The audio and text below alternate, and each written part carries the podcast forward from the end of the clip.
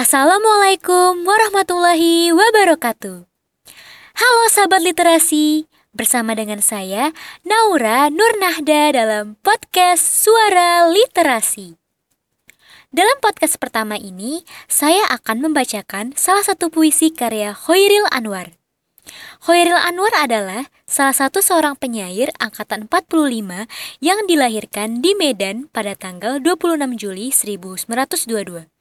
Beliau wafat pada tanggal 28 April 1949. Beliau terkenal dengan puisinya yang berjudul Aku. Puisi-puisi yang diciptakan oleh Hoiril Anwar ini lebih banyak bertemakan tentang kematian, individualisme, dan eksistensialisme. Khairil Anwar juga memiliki pencapaian, yaitu beliau dinobatkan oleh HB Yasin sebagai pelopor angkatan 45 dan beliau menerima Bagasasi Award dari pengurus Badan Kekeluargaan Masyarakat Bekasi atau yang disingkat sebagai BKMB. Berikut ini adalah salah satu puisi karya Khairil Anwar yang berjudul Senja di Pelabuhan Kecil.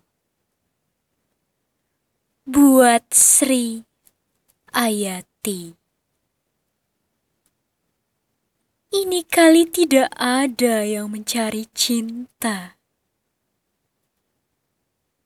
Di antara gudang, rumah tua, pada cerita tiang serta temali. Kapal perahu tiada berlaut, menghembus diri dalam mempercaya mau berpaut. Gerimis mempercepat kelam. Ada juga kelepak elang menyinggung muram. Desir hari lari berenang. Menemu bujuk pangkal akanan. Tidak bergerak. Dan kini tanah dan air tidur hilang ombak. Tiada lagi. Aku sendiri. Berjalan menyisir semenanjung. Masih pengap harap. Sekali tiba di ujung dan sekalian selamat jalan. Dari pantai keempat. Seduh penghabisan bisa terdekap. Puisi yang berjudul Senja di Pelabuhan Kecil ini menggambarkan suasana seorang penyair yang sedang mengalami perasaan sedih yang dalam. Tetapi dalam kesedihan tersebut penyair tetap tegar.